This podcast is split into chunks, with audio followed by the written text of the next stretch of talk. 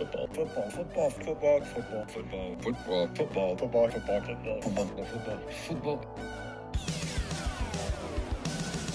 It's the football, football, football, and sometimes other sport show. Here's your host, AJ Nicoletti. What up?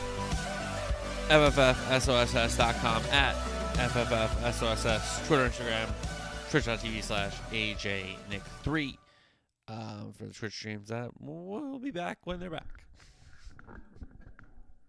They'll be back when they're back. I don't know what to tell you. Um, but if you want to, you know, follow or subscribe, that'd be dope. Uh, big NFL draft show tonight, today, whenever you're listening to this ahead of the first round on Thursday. So we'll do an NFL draft preview and the kickoff. Then we'll go through the latest NFL headlines, Champions League semifinal first legs. What a match at the Etihad. Real Madrid going to Manchester, take on Manchester City. Great match. So we'll recap that.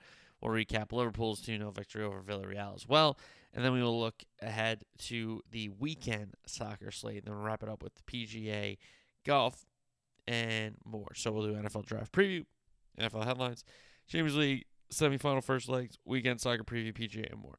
Maybe hockey next week, maybe basketball next week, maybe a little touch of baseball next week. Maybe. I have been watching more basketball. Haven't watched enough to start giving takes on it. I haven't watched more though since the playoffs come around. Hockey still unfortunately can't watch the local teams with MSG beefing with Comcast, so that's just it is what it is there, which sucks, but it is what it is. In baseball, I've been watching the Yanks a little bit, but uh, haven't really paid attention, and the Metsies, but haven't really paid attention to anybody else. So that's where we're at with those leagues: basketball, hockey, baseball. I've been watching a little bit of baseball, but it's mainly been Yanks, Mets. Have been watching a little bit of basketball, but not enough to talk about all the series yet. And haven't been able to watch a ton of hockey this whole year. But with the playoffs coming around, hopefully we'll be able to talk some hockey and some puck. So those three sports on hold still, but we will talk about the NFL. We'll talk about footy, and we'll talk a little golf on this pod. So NFL draft preview in the kickoff, NFL headlines, Champions League, semifinal first legs, weekend soccer preview, PGA more. So all right, kickoff. So we have a NFL draft preview here. We'll get the first round order, which we haven't done yet, and talking about the uh, the draft. Then we'll talk about trades. Then we'll talk about the possibility of no quarterback in the top ten, which has not happened in a long time. In a long time. Then we'll do teams. Uh, talk about the wide receivers, how many might go in the first round. Will a running back sneak into the first round, and then we'll talk about the top defensive positions, which are edge and DB so early on in the draft, at least talent wise, for me. So let's start with the first round draft order. Jacksonville has the first pick, Detroit in the two hole, Houston in the three hole, like I talked about on Tuesday. We have no clue what either any of these teams are doing. Um, one, there's been some smoke screens with Jacksonville. You know, it was Hutchinson for so long. Then there was talks of Thibodeaux. Then there was talks of Ekwonu. Now there's talks of Walker being there. So then, if we don't know what's happening at one, we certainly don't know what's happening with two or three with Detroit Houston. The Jets have their first of two picks at four. The Giants have their first of two top five picks as well. The Jets, four five there. The New York teams: Carolina at six, Giants then at seven, Atlanta at eight, Seattle at nine, the Jets again at ten. The Commanders, no longer the football team, at eleven with Washington's first round pick there. 12 is Minnesota Vikings. 13, Houston Texans, their second pick. Baltimore's at 14. Philly, 15 and 18. In between is 16, New Orleans. And the Chargers at 17. New Orleans then at 19. Pittsburgh at 20. New England at 21. Green Bay 22. Arizona, the 23rd pick. The Dallas Cowboys 24. Buffalo 25. Tennessee 26. Tampa at 27. Green Bay at 28. Kansas City has back to back 29 and 30. Then we have Cincinnati. And finally, number 32 in the first round, Detroit having the Rams first round pick in that Stafford trade. So that's the draft order. I don't think it's going to stay like that. I think we're going to get a ton of trades. At least, I would say at least three in my estimation, possibly four, possibly five, because I think there are trades incoming. And yes, Schefter tweeted within the past week as the draft has drawn closer, multiple teams in the top half of the draft have inquired with others to try to trade back in the first round per sources. So far, the interest in moving back in Thursday's draft has greatly exceeded the interest in moving up. And like I said on Tuesday's program, there's not going to be a ton of teams wanting to trade up, but there will be some. Um, there will certainly be some. And I, I know, and I made the point that next year's draft, especially a quarterback, is much deeper and much more talented. But there are teams that might not need a quarterback, might not need to draft next year early in the first round. They wouldn't mind trading, you know, 27 through 32 or whatever, you know, 26 through 32, if that gets them to a better spot in the postseason with an opportunity to win a championship, win a Super Bowl, right? So I could see uh, teams jumping up for maybe a guy that's falling, you know, jumping up to get into the wide receivers, which we'll touch on. Uh, but I do think there's going to be a lot of trades, at least three in my estimation. I would say maybe a high of five or six, because I do think there's going to be teams moving around. And just because you know this, these two lists that I'm going to get to, eight round, eight teams with multiple first round picks. Lions have two and 32, Texans have three and 13, Giants have five and seven, Jets have four and 10, Eagles 15 and 18, Saints 16 and 19, Packers 22, 28, Chiefs 29 and 30. And then we have the eight teams without first round picks: the Bears, the Browns, the Broncos the Colts, the Raiders, the Rams, the Dolphins, and the Niners. I just think that's a formula for teams to try to get back into this first round. It's definitely a formula for teams with two picks that you know don't have a ton of first round grades on people. They're going to try to trade out. You know, there are I think the phones are going to be ringing. Now, do we get a, a bunch of deals? I, I hope so, but I do think the phones are going to be ringing and you're going to hear a lot about deals that possibly could have been done or deals that are getting done because again, there's a lot of teams with multiple picks here in this first round, and there's not a ton of first round grades. And also, team to team, this year might be the most diverse, I guess you could say, in the grades, you know, first round to second round to third round because of the talent pool of this draft and how it differs from kind of year to year. So, uh, Texans, uh, their GM talking about trading picks. At three, he says they're 100% taking somebody there. At 13, they think 50%. So he's already kind of marketing that 13th pick if anybody wants to come up and get it. Teams talking about moving up, I'd say New Orleans with their two picks, Philly with their two picks, Green Bay at the end of the draft with their two picks, Seattle, okay, has an early pick, uh, could move back in for somebody, right? So I do think there will be trades again. I would say low end three, high end five or six. I really do believe that because I think there are teams that are wanting that are going to want to get into next year's draft that know they might not they might not compete this year. You know, a team like maybe the Giants try to get an extra first round pick next year. Maybe a team like the Jets try to use one of their picks to go get a Deebo Samuel or or maybe move into next year's draft again. I don't know. I'm just saying that I do think there is strong possibilities of trades being uh, made in this uh, first round on Thursday night. Let's go to the quarterbacks. No quarterback in the top 10. That is really the rumor that's going on from mock draft to mock draft to mock draft, right? And that would be pretty rare because going back from 2021 all the way to 2014, 2021, Trevor Lawrence was the first overall pick. There were five quarterbacks in round one. 2020, Joe Burrow was the first overall pick, four total in that first round. 2019, Kyler Murray, first overall pick, three in that first round in 2019. 2018, Baker Mayfield in that famous class. He was one overall, five total in that class. 2017, Mitch was two overall, three quarterbacks total in that draft. We know Deshaun and Mahomes were the other two. Poor Mitch.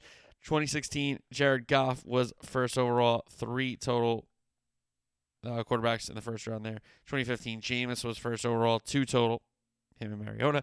And then 2014, Blake Bortles, third overall, three total in that 2014 draft. So 2014, 2015, 2016, 2017, 2018, 2019, 2020, 2021, all quarterbacks picked by the third pick overall. So this is a really weird year when it comes to the quarterbacks and a lot of different uh, I guess draft analysts have them ranked differently. You really can't see a list that's all the same between the quarterbacks, in my opinion. So I don't know. I think again, Kenny Pickett for me is a guy that could step in and help a team. I don't know what his, I don't know if he has tremendous growth or upside or, or development stuff, but he can, I think, come in and play.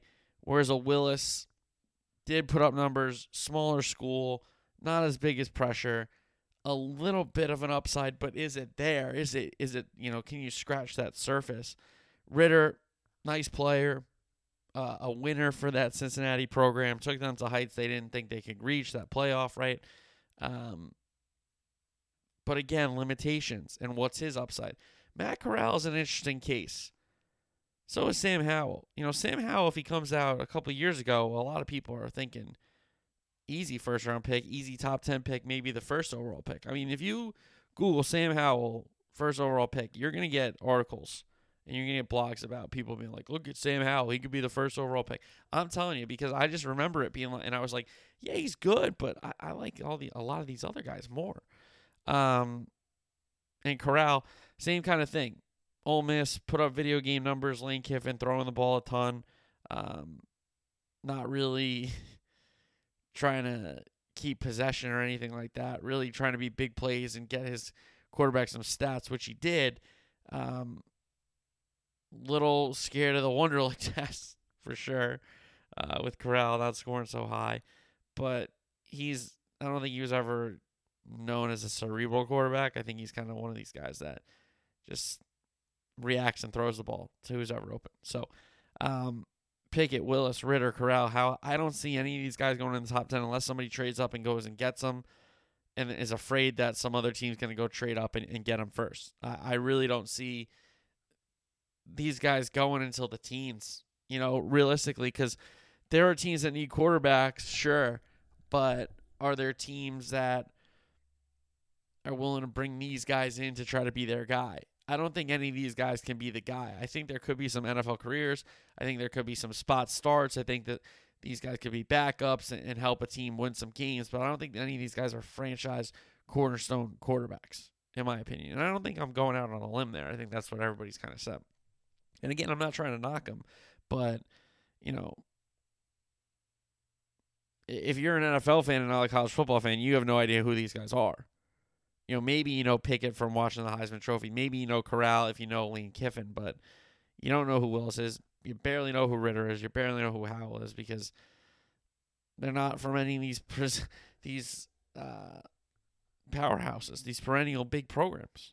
Okay, so quarterbacks could be none in the top ten. Could there's I would I would fancy a prop no quarterback in the first round if you want to get a little um little uh, adventurous, we'll say, with a little prop there.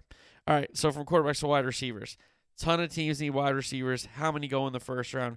We could have a record here. You saw some articles being like, hey, there could be, you know, seven, eight guys go in this first round, at least five, maybe six, definitely, and then maybe a seventh. So, you know, for me, Wilson Olave, the two Ohio State boys, outstanding receivers, will be first round picks. Jameson Williams, even coming off the injury, an outstanding football player, first round pick for me. Um, the London kid from USC, a lot of hype. Didn't watch a ton of USC, I will say. Um, but from what I've seen and what I've read about him, if he's healthy, he's a can't miss kind of wide receiver. So he's in the first round. Um, and then Burks out of Arkansas, a lot of people like him. Played in an interesting system, did get the ball, but it was kind of a lot of running with the quarterback, running with the um, running backs to set up the pass. So it wasn't like he was at an aired out kind of place. Uh, but he had a really good career. Pickens is a guy out of Georgia who was banged up but has had big moments but might have some character issues. But can you look past that and draft him late in the first round? And then maybe some wild cards with Watson and, and Dotson because they're pretty good players too. So Wilson, Olave, Williams, London, Burks, I feel like those are automatic the five. And if those names start going and teams that might not need a wide receiver like they have a wide receiver one they ha- they might have a wide receiver two and you know three four iffy and one of those teams takes one of these guys because they're like hey best available let's just take them then you're gonna have teams that need receivers to start jumping the list and that's when again we can see some trades happening so i think if we see you know a, a catalyst to the trades are if the wide receivers start going early you know, if all the D backs and all the edge guys you know, maybe not all of them go, but a couple of them slip. Then I can see some teams trying to jump in and, and steal a Stingley on the way down, or or steal a, a, a Thibodeaux or a Hutchinson, maybe sliding out of you know six, seven, eight range, whatever it may be. Okay, so uh, uh, one of these catalysts to, for teams to trade into the first round are definitely if the wide receivers start flying off the, the draft board.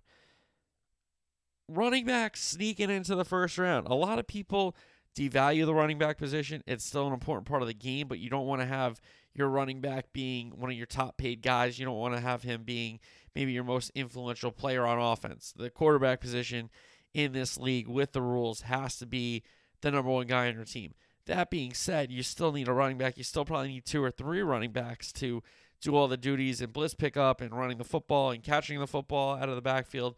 So running backs and, and teams at the end of the draft that first round, a lot of times, yeah, they're first round picks, but you run out of first round grades.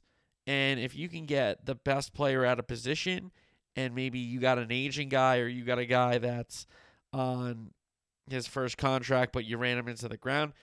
Late in the first round, we've seen recently a lot of backs go and a lot of teams not really take chances on backs. That's not what I want to say, but um, electing to say, hey, you know, we might not have a first round grade. The game itself might be trending away from running backs, but if we get the best player out of position, that kind of helps us out. And yeah, it's at the end of this first round so it's basically a second round pick, and we don't have any other first round grades left. Why not take a running back? So Hall at Iowa State, an outstanding uh, collegiate career, well deserved. But how many to- how many how many times they run the treads on the tire, right? Walker out of Michigan State transfer, um, big player in the Heisman Trophy race for a little bit there when Sparty was going well um, from Mel Tucker up there in East Lansing. So can Walker sneak into the first round? And then Spiller at A&M. Yeah, he's a running back, but he's one of these guys that, you know, at A&M, you just gave him the ball, and it didn't matter if he was in the backfield or, or split out wide or in the slot or wherever. You just gave him the ball and said, go make a play. And he's a guy that can certainly help a, a ton of offenses, in my opinion. So um, then you know, we have the offensive tackles, Neal out of Bama, a, a little bit of concern with the injury there. Uh, Ekwonu out of NC State, everybody kind of loves, but is a little bit of a project. So is he a, a day one starter for you, or do you have to work him into the offensive line? That's something that um, teams have to be concerned with, I'm sure. Okay, so from offense, let's flip it to defense quickly, and it's about the edge and it's about DBs on defense. Yeah, there's some linebackers in a Nakobe Dean that I love that I see falling to teams at the bottom of the, the first round. And I just think the last time this guy was on the field, all he did was dominate, you know, and, and yes, measurables and combine and all these kind of stuff. Yes, they are important, but at the end of the day, they're playing football, you know, and that guy's a football player. So I don't know. Maybe that's just me. But edge and DB, we really want to hit on uh, when it comes to defense here. How does Hutchinson, Thibodeaux, and Walker sort itself out? Um, the Jags smoke screens. I mean, they've been quite effective this last week, 10 days of, you know, a reporter here and there leaking something, a reporter here and there saying, oh, this is the way that Jacksonville's leaning right now. Oh, uh, the owner wants this guy and the GM wants this guy. Like, there, there's a whole thing there um, with Baalke wanting Walker, I'm pretty sure, and Khan wanting Hutchinson. So I really think that it's a um, it's an interesting situation with the edge players because edge is such an important play player on defense. Um, you know, and in your franchise quarterback, you know, you need some good linemen. You need a wide receiver or two. And then on defense, you need an edge guy that can get to the quarterback, that can take on a double team, that on a big third down can get your team off the field. So edge has really, really transformed with the game shifting towards passing. Yeah, back in the day, you could use a good DN to, you know, help stop the run, you know, contain the edge and, and get a sack once in a while. But everybody's in shotgun now. Everybody's throwing the ball. If you have an edge player that's dominant, that's unblockable, I mean, that brings a very different dynamic to your defense for sure. So, how does Hutchinson, Thibodeaux, and Walker play out? again, I think these are guys that absolutely work into a rotation on defense um, day one for for your team in in uh, rookie camp and into OTAs and mini camp into training camp. Like these guys for me are, I don't know if I want to say day one starters, but they're certainly in the rotation and they will certainly probably be starters by the end of the year. That's how kind of gifted these guys are. Now, when you talk about the corners and safeties and the DBs, you know, this Sauce Gardner's excellent out of Cincinnati. His partner's not bad either. Could be a first round pick um, if teams want to jump and there's a run on corners. But Gardner's excellent. Stingley, for me, going up against all those LSU guys in practice and being on that natty team, playing in the SEC that year, the fact that you're hearing him sliding, that really amazes me. And people be like, "Are is he really into football? Like, what are we? We're really having this conversation just because the guy sat out because it was a pandemic, and he knew he was going to go high, and he didn't want to get, um, he didn't want to get uh, hurt playing for a team that he knew wasn't going to be a great team. Maybe I don't know. I'm not going to hold that against him. I'm not because uh, he can play. End of story. So you know, Gardner, Stingley, who goes first out of those two? Is there a fall on the other one after one goes? Uh, is there going to be a team that needs a corner jump up and say, hey, we can pick this guy up? And then you got uh, Hamilton, the safety out of Notre Dame, who is an absolute awesome football player. Like, this guy's a day one starter for me. He jumps into a lot of teams and is their best player on the back end right away. A guy who has a nose for the football a guy that can punch the ball out, a guy that can make plays in deflections, make plays in the running game, make plays at the, you know, second level, tertiary level when he has to in the run game. And a guy that can tackle, guy that can pick the ball off, not bad hands. He he's an excellent, excellent safety, and I think he comes into your team and starts. So, you know, Gardner, Stingley, Hamilton, these are guys that are really, really good and can help a defense, um, in my opinion, immediately. So that's really what you're trying to do in the first round is get a starter. And yet, maybe if you're picking a quarterback, maybe it's a development project. But if you're going like other positions in the first round, you're trying to get yourself a starter. So I think there are a lot of starters in this draft, but there aren't uh, a ton, if that makes sense. I think there's maybe like you want to call it 16 to 18 between wide receivers, the three edge guys, the DBs, some linemen. Maybe like, you know, 15 to 19, that number of starters for next year. There's not a ton, but it's not like it's four, you know. Uh, the quarterbacks obviously hurt that, but uh, here we are. This is the draft class. So you got to draft somebody from this class. Otherwise, you try to trade out.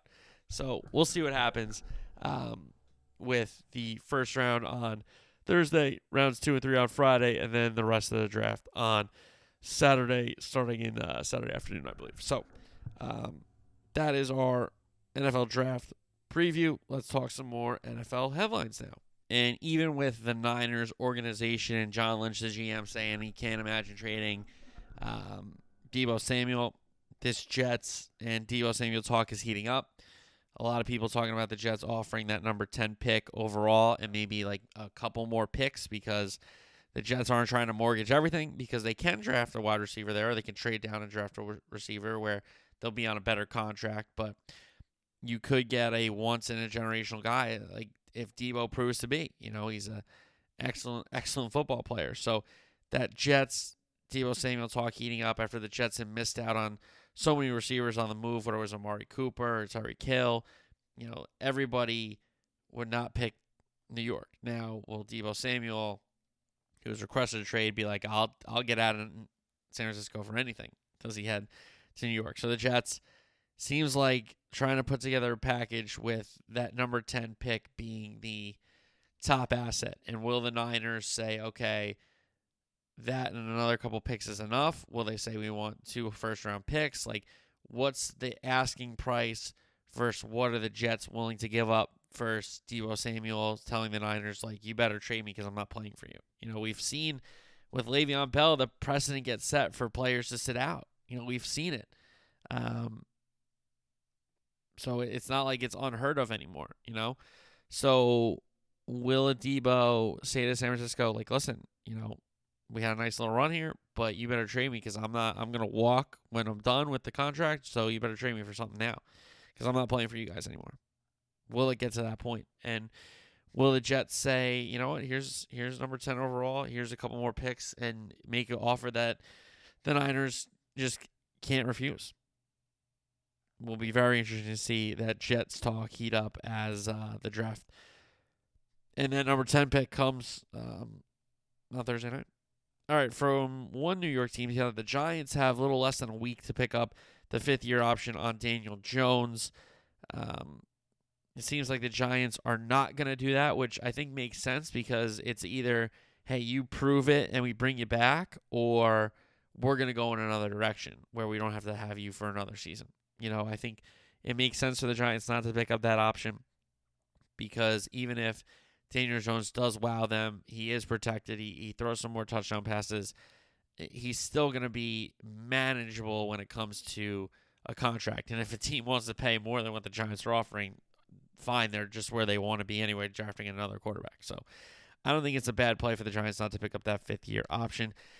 Until Wednesday, um, speaking of another team with a quarterback, the Cardinals had not picked up Kyler Murray's fifth year option, but now they have. Uh, so Murray, after making a couple Pro Bowls, will have uh, a little increase, a little pay increase, but he does not have that new contract. The Cardinals just picking up that fifth year option. Other teams picking up options. The Bucks pick up Devin White's. Bills pick up Ed Oliver's. The Lions had their tight end Hockenson. Jets Quinnen Williams. Seahawks picked up Noah Fant, as we talked about a little earlier uh, in this offseason. And the Niners pick up uh, Nick Bosa's fifth year option as well. Some more GMs talking and owners talking. The Panthers are saying that they're they're claiming that they're talking to three or four teams for the sixth pick. So now could they be underselling that? You know, could it be one or two teams they're trying to start a bargaining war? Could it be more teams and they're just saying it's less teams? I don't know, but I do believe that people are trying to trade up to six because depending on how it goes with each position, you might still be able to get the best guy on your board at six, you know, depending on what happens. So Panthers talking to about three or four teams they're claiming for that six pick. And the owner, Tepper, also believes in Sam Darnold still and Matt Rhule. So could that be the kiss of death? We don't know, but um, trying to say all the right things in Carolina apparently. Uh, Darren Waller to the Packers is a rumor. This could be a really big piece for Aaron Rodgers if the Packers do end up pulling the trigger on uh, adding a Darren Waller. And they just sent Davante Adams there, so could they get Waller in return from the Raiders and just change back and send back some of the picks that the Raiders sent them? I don't know, but Darren Waller is an excellent player. Um, a really, really cool story of uh, beating addiction so far in his life and being sober and, and coming back and being a really good uh, football player and not letting uh, drug addiction be the story of his life and the narrative of his life. So that's really cool. I encourage anyone to see that story. I think it was an NFL Films, if I'm not mistaken, uh, piece. And in Hard Knocks as well, when the Raiders were Hard Knocks. Um, so Darren Waller to the Packers rumors the newest rumor to uh, the newest uh, rumored weapon, I should say, that could be headed to Green Bay. The Jags and Cam Robinson come to an extension, three years for $54 million for the offensive tackle. Could that be tipping the hand that they're not going to go offensive tackle with one? Uh, I would presume so. Like they could, you know, maybe shore it up and, and have two tackles between Robinson and, and a rookie, whether it's Ekwonu or Neal or whoever. But I, I do think they're going to go edge, whether it's Hutchinson or, or Thibodeaux or Walker at one, in, in just my opinion and what I've seen. Um, speaking of edge, Robert Quinn wants to stay a Bears player. You know, he's heard his name being shopped around, um, which is interesting because you think maybe a vet wants to go chase a ring or something like that, but maybe he likes Chicago a lot. Who knows? Um, so those are our NFL headlines ahead of uh, the NFL draft beginning and uh, maybe some more trades. All right, let's go to footy. Champions League semifinal first legs: Man City, Real Madrid. City win at four three. De Bruyne, Jesus, Benzema, Foden, Vinicius, Bernardo Silva, and Benzema from the spot were the goal scorers. An unbelievable game for the neutral. Uh, I'm sure it was exciting if you were a City or Real Madrid fan, supporter, but certainly nervy. Um, and an absolutely brilliant, brilliant display of footy for 90 minutes. Pep with the big calls. He put Stones at right back with Walker out and Cancelo suspended. He did go with Jesus up front after the four goal game at the weekend versus Watford. On the other side, Ancelotti had to move Valverde into his midfield to help replace Casemiro. Rodrygo was up front in Valverde's absence, um, but Madrid missed Casemiro a, a, a lot because it just seemed like City was dominant and they were going through the heart of that Madrid midfield. There was a dream start for Manchester City. Mahrez walked past plenty of Madrid defenders who never stuck a foot in. Uh, cross to De Bruyne at the back post. De Bruyne had to reach back for it. A low bullet header, brilliant header um, to beat Courtois. 1 0 City. Then ball in from De Bruyne. Alaba gambled. He missed it. He went to uh, step in front of Jesus or at least clean him out or, or get the ball and, and get the tackle on. Ball fortunately falls to Jesus, tap in past Courtois, 2 0. So City, it, it, seemed like delirium at the Etihad, 2 0 against Real Madrid in the semifinal. And they could have killed them off because through ball to Mahrez, he shoots, it, it, hits the outside of the post, he missed the outside of the netting. Uh, he should have squared the ball. He had De Bruyne and Foden in the middle. Pep absolutely fuming off the bench, screaming at Mahrez to pass the ball. Then another great through ball to Foden. His chance gets dragged wide. So City had at least two, possibly three or four between, if you want to add half chances as well, to get a third before Real Madrid got there first. Then Real did get there first. Modric wins the ball. Really tough tackle. Comes out to Mendy. First time cross to Benzema, who converted a half chance into a goal. I mean, for him to get enough to deflect this ball, to, to strike this ball, to even get it on goal, let alone pass Ederson off the post and in, was absolutely sensational. And it had to be Benzema. So just like that, Real Madrid back into the game, back into the tie, due to the French striker who's been unbelievable this season. Uh, Rodrygo's shot was saved by Ederson. Stones came off. He had been injured, so to put him at right back um, against Vinicius was a tough ass uh, Fernandinho came on to play right back. So then we go to the second half. Alaba, who kind of struggled in, in, in, in, that second City goal, you could certainly blame him for you know not defending and stepping up and trying to take the ball away when he should have just defended. Um, he was banged up, but Nacho comes on for him. So here we are, two one, early second half. Mahrez another chance. He hits the post. Rebound comes right to Foden, but his effort gets cleared off the line by Carvajal. He hit it so sweet it was just right at Carvajal. If he misses it, it's probably a goal, you know? Um, then Fernandinho makes a uh, pretty much instant impact in the second half. Jumps in front of Vinicius. He plays a 1 2 with Mahrez. Then he drives the sideline. Great cross to the back post. Easy header for Phil Foden. 3 1 City. So they had another two goal lead. But then, just like that, Real Madrid answers. Ball to Vinicius down the line on the far sideline. Megs Fernandinho puts it past him, drives the whole city half plus some of his own um, into the box, doesn't get challenged, puts a wonderful finish past Ederson. One goal game, 3 2 City. And Laporte, Zinchenko, Dias was out of position. Laporte and Zinchenko have to communicate a little better because at the end they were both marking somebody at the penalty spot when Vinicius just kind of walked in the entire city half. So 3 2. The two goal lead gone for a second time. Zinchenko cross. Laporte was up after a set piece. His chance saved by Courtois. Then we had another City goal. Uh, Kroos fouls Zinchenko. Ref plays advantage. Ball falls to Bernardo Silva. Real Madrid players stop. Carvajal stopped. Camavinga stopped. Uh, he had come on at this point, by this point. And Bernardo Silva just keeps playing, smashes the ball, left foot, into the top corner past Courtois, who looked to kind of duck, uh, which was really weird. So City, for the third time of the night, have a two goal lead, this time 4 2. They could have made it 5 2. Mahrez dances into the box, but his shot goes wide. Modric had a chance, easily saved. Um, then Madrid earns a set piece after a foul in the city end. Kroos crosses. Laporte off his head, but it goes directly to his hand right after that. Hand, unnatural position in the box. That is a penalty 100% of the time. PK was awarded. And Benzema, who missed two at the weekend, two penalties. Panenka's Ederson chips the goalie down the middle. Absolute, uh, the bravery, the courage, the audacity to try to pull off a Panenka in the Champions League semifinal when you're down two goals, mind you. So Benzema made it 4 3. City had a chance. Mahrez crossed to the back post, but Courtois got a piece. That was really the last chance for any team of the match. So seven goals, an absolute thrilling 90 minutes.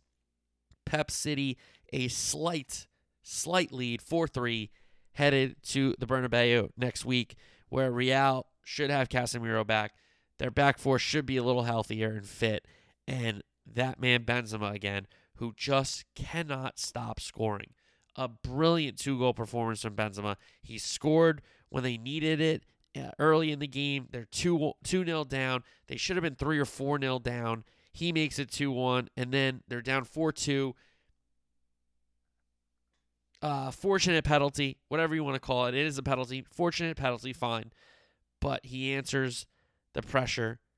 He answers the questions. He delivers in the big moment and Real Madrid only trail by one after conceding four away from home.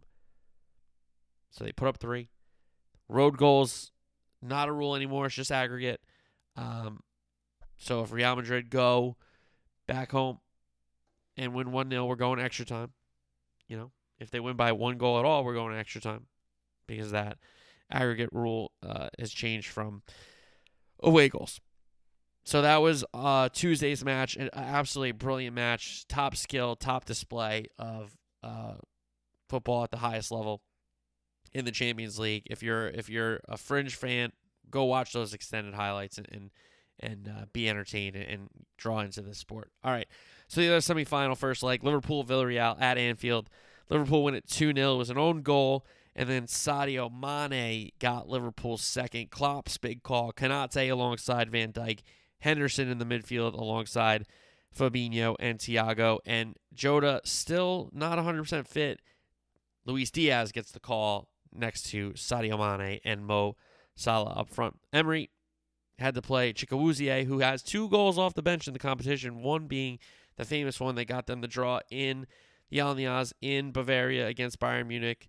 Um, when they had already won at their place 1 0. So that put it a draw on the night, but Villarreal through into this round.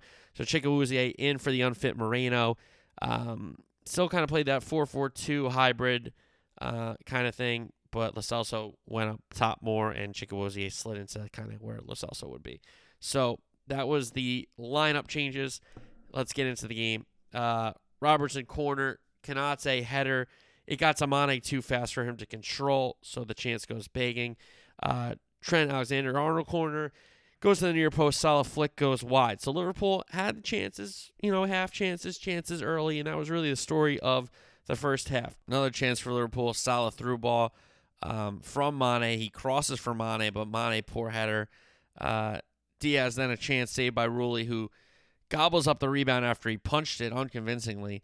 Liverpool presses on. They get a turnover. Robertson earns a corner. Uh, Thiago chance off the second phase, but Liverpool uh, had players offside, including Virgil van Dijk, interfering with the goalie, I guess. Uh, Liverpool then had some build up play, big switch. Thiago to Henderson, who ends up hitting the outside of the post. Diaz then to Trent Alexander Arnold, low cross, earns a corner, but a foul on Liverpool just ends that set piece chance. Mane Salah uh, Mane to Salah, sorry, good link up play, but Salah's chance goes high. They got a free kick. Liverpool did. Trent Alexander Arnold's free kick then blocked by the wall. Diaz a second shot knocked down by Rulli. Salah had a low cross, got uh, knocked down. Liverpool then forced another turnover, broke to Diaz onto Mane. Quick turn and shot deflected for a corner. So Liverpool were getting a ton of corners, but couldn't really convert in this first half. Second phase of that corner, ball falls to Salah. His effort blocked over the bar. Another corner. Robertson, great ball to Trent Alexander Arnold, second phase of that corner. Uh, one touch Trent into Salah, whose effort goes high. Villarreal took a free kick quickly, got a half chance, but couldn't control the ball to get it on Alisson's net. Then Thiago hits the post on a long range effort into the Kop end. Could have been a historic European goal, but it was nil nil at the break. Second half, Salah cross headed by uh, Pau Torres to the keeper, which it did not look convincing, and it did not look like uh, Pau Torres was trying to hit that uh, header to his keeper. Second phase of a set piece, Fabinho ends up scoring, but Van Dijk, who won the header uh, that was that second ball, came from an offside position. Then Trent Alexander-Arnold crossed to Diaz, his header right back at Rulli. Didn't get enough on the header. Thiago, uh, then his ball from the left wing Diaz ends up dummying it to Mane, flicks onto Salah, gets the overlap from Henderson. Cross gets deflected by Estupiñán in past Rulli. So it's an own goal. Liverpool get the breakthrough 1 0. And then just like that, it, it just seemed to pop off for Liverpool because then they get a second. Salah, brilliant turn, brilliant ball to Sadio Mane, who um, toe pokes it past Rulli. And just like that, Liverpool get their second 2 0 on the night. Sullivan got pushed in the box. He goes down, no penalty. Uh, Villarreal with a half chance in the box. Danjuma, not the best touch. Konate gets it clear off him.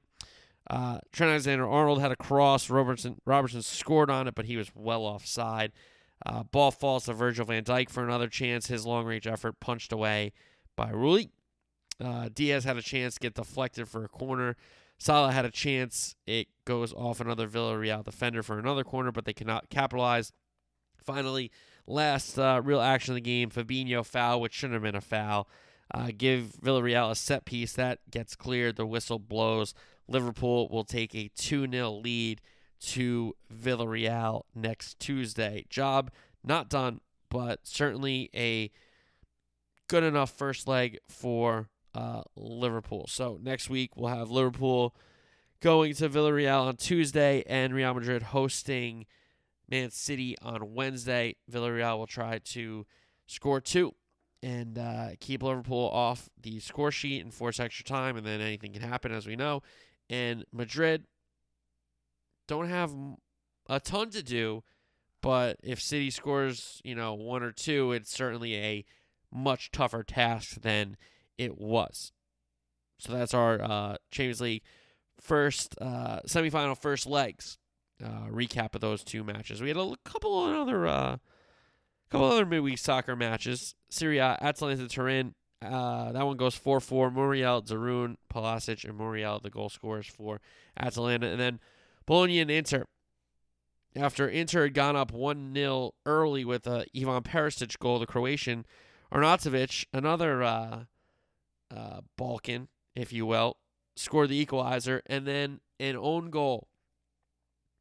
Keeper missing the ball, an absolute howler. Um, and that puts Inter not behind the driver's seat anymore for the Scudetto, which we will talk about in a second when we get to the Serie A weekend soccer preview. Speaking of the weekend soccer preview, let's dive in. EPL, Thursday, Man U and Chelsea. Man United have a bunch of players injured, a bunch of players out.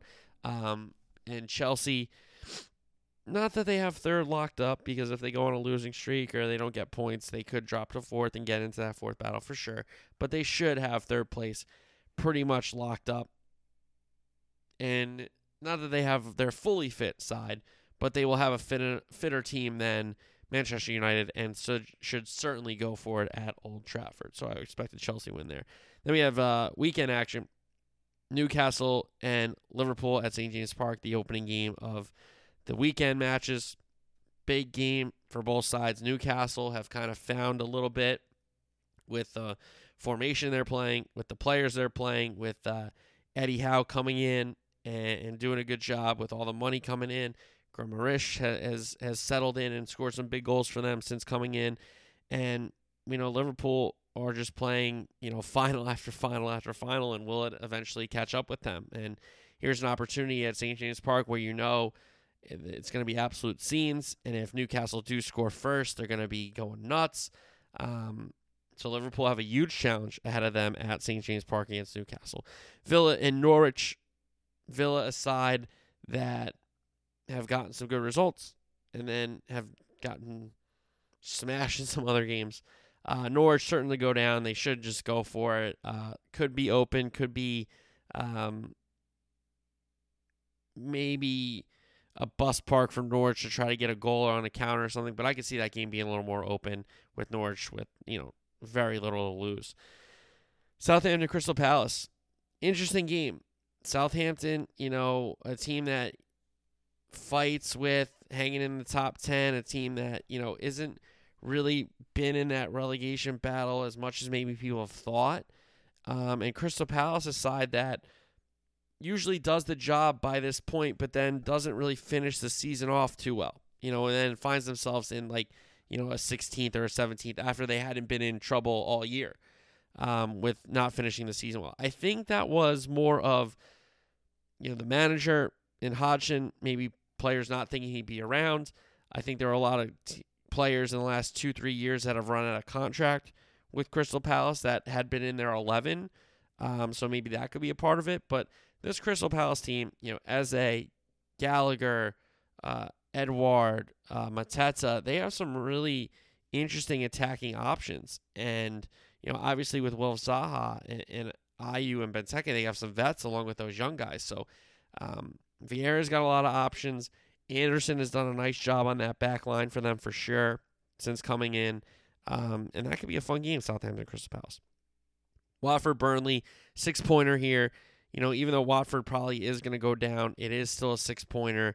And um, Burnley, who are chasing it and, and trying to fight uh, this relegation battle and have put themselves in a in a okay spot after sacking their manager, which you think wouldn't happen. You know, you think you sack the manager and it's over. You got no chance because that's been the guy that has helped you so much and stayed up so much. So, Watford Burnley, big six pointer. Then we had Wolves Brighton, another interesting game. Uh, two sides that um, play a little bit different but have similar goals. You know, a top half finish. You know, compete for conference or Europa in a really good season. Um, Brighton, we know, still could use a big striker, so goals come from other positions. Wolves, you know, is Neves on the way out? You know, some of those other guys, is there will there be a changing of the guard um, for Bruno Lage? It's interesting. The Molineux is a great place to play. They have shown that they're going to stay up and, and be um, be competitive in this league, which is great to see. Um, so that's an interesting game, compelling game. Then we have Leeds Man City at Elland Road. And Jesse Marsch has already said that Leeds, he's going to set Leeds up to try to score and to try to play. So this could go really poorly. And, you know, you could have a City, you know, 5 0, 4 1 kind of game. Or you could have a Leeds win a 3 2, or it could be anything. So um, Leeds have said they're going to go for it, which is awesome to hear because they are kind of getting dragged into this relegation battle uh, since Burnley has won so many matches in a row now, or, or, so many out of their last five. I think it's three out of the last five. Um, but yeah, Leeds will have to go for it, and they'll try to get a point, or they'll try to get three. It seems against City, who we know feel that they cannot lose because Liverpool have shown that they're not going to lose unless it's to each other and they draw right in the league. Then we got Everton Chelsea. Everton absolutely in shambles. Um, played absolutely anti football at Anfield with the time wasting. Uh, the fact that one of your central midfielders only really had two completed passes and they were off kickoffs is an insult to the sport itself. Um, what Pickford was doing, what Richarlison was doing. It's disgusting. And again, a Chelsea side that is playing Thursday, is playing Sunday. Disappointing. They're not in the Champions League still. Going through sanctions. They're going to lose Rudiger. They're going to lose Christensen. Who else do they lose? Maybe a Jorginho. We don't know. Um, but they're going to lose players. So this is kind of their last hurrah. This group that were European champions, right? Um, but go to Goodison and just beat a team that's not a good team. Yes, Everton have been better at home. There's no doubt about it. They've been horrific away from Goodison. Um, so they know they have to get their points there. But even how Lampard sets them up, like they're gonna do the same stuff they did against Liverpool against Chelsea? Because I'll tell you what, Havertz, Luke, uh, Havertz, Pulisic, Ziyech, Mount, they're pretty fast too. And if you're gonna do those things, those guys can break you down just as well as Liverpool can on their best days. Tottenham, Leicester City. Tottenham with Conte. You're hearing Conte wants out. He wants to switch with Pochettino at PSG and just get Poch's old job back. Um, but I'm interested to see what Conte continues to do with this team. You know, Son's played well. Harry Kane's played well. Bringing in Kulusevski has done a lot of wonders for that attack. And you know, yes, he's kind of changed the the back line around here and there, but he's got not the most, not the best or the most talented squad he's ever had, but he has a good squad. And if he gets the board to spend some money, maybe he stays. And as for Leicester City, um, a team that's kind of managing losing a legend in Jamie Vardy.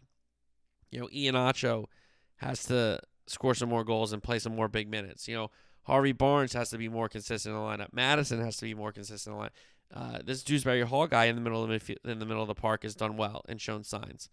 Um, so can Leicester kind of go through the next wave? Because you know, as league champions, then they had to get rid of Kanté and Mahrez and Drinkwater and, and Maguire and some of their other guys. Now, the the people that have stayed, especially Jamie Vardy, their window's kind of closing. So can Leicester evolve under Brendan Rodgers in another way? London Derby now next. West Ham and Arsenal. Arsenal certainly have the wherewithal, the players. Now, if they get Tomiyasu back at right back, that certainly helps their back line more. Um, but you know, White and Saliba sounds better than White and Gabby, Gabrielle to me, just me. Um, obviously Tierney being out hurts them. I feel like he's always banged up for them, which is tough because he's one of their best players in my opinion. He's maybe Scotland's second best player behind Andy Robertson. Um, and for West Ham, they're still playing games in Europe, and Moyes doesn't have the deepest team, so it's starting to catch up with them, and they're kind of falling a little bit out of this um, this top four race. So Arsenal absolutely have to seize the uh, opportunity here. No doubt have to. Then we got Man U and Brentford. And Brentford have gotten some big results off top teams this year. And United are not a top team. So Brentford can absolutely go to Old Trafford and get a result. Because the way United have played, um, they think everybody's supposed to roll over for them when they shouldn't. And why would you? Because they stink. Uh, so that's your EPL. Let's go to La Liga. Real Madrid could wrap it up, and they should wrap it up. Um, they're taking on Espanyol.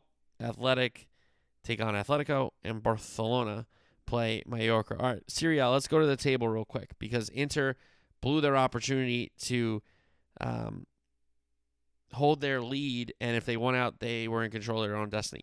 Everybody's on 34 games now in that top six. AC Milan has 74 points. Inter has 72. So if they had won, they would have had 75 and been ahead of AC Milan. But the roommates at the San Siro 1 2 right now with AC on top. Then we have Napoli with 67, Juventus 66, Roma 58, Lazio 56. So those teams aren't um, catching up. You know, your Napoli's, your Juventus, your Roma, your Lazio. Maybe Napoli, if AC Milan and Inter both collapse, maybe Napoli could squeeze in there. Um, but it is asking a lot with so few games left. But again, AC Milan, Inter Milan, it's really the the race there between the two occupants of the San Siro. Inter um, blowing a big opportunity, a big opportunity to keep their, um, I guess you could say lead because they had the game of hand. If they won, they were going ahead. But a big, big jump in Serie A. So AC Milan has the opportunity now. Napoli plays Sassuolo. Juventus plays Venezia. AC Milan play Fiorentina. Udinese host Inter, Roma play Bologna, and Atalanta play Salernitana. Bundesliga, Dortmund play Bochum, Mainz play Munich, uh, Liga and PSG play uh, Strasbourg. They go to Strasbourg. PGA Tour is in Mexico this week for the Mexico Open. Not the best field. We got uh, Rahm there, Tony Finau, Cam Champ, Gary Woodland, Kevin Na, Patrick Reed, Tringale, of course, Abe Ancer, the Mexican golfer himself. Uh, Kirk is there as well. So not a bad field, but certainly a field where if you're one of these middle guys, uh, go get your win. You know, go get a win, go play well for four days, and and find your way at some at some um, major championships. You know, next year. So um, again, well, it'll be kind of four shows in a row here when we talk about NFL draft. When we talk about it on Tuesday, with you know when we recap it, and we'll talk about whose draft I like the most. But again, ton of NFL.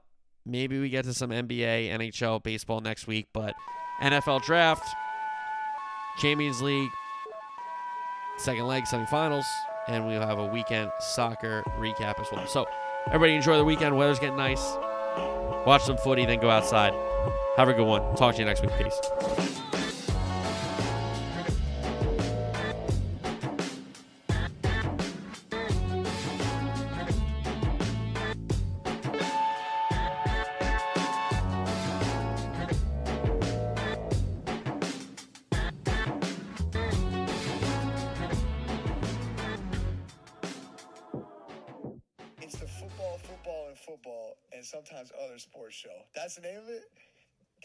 Podcast.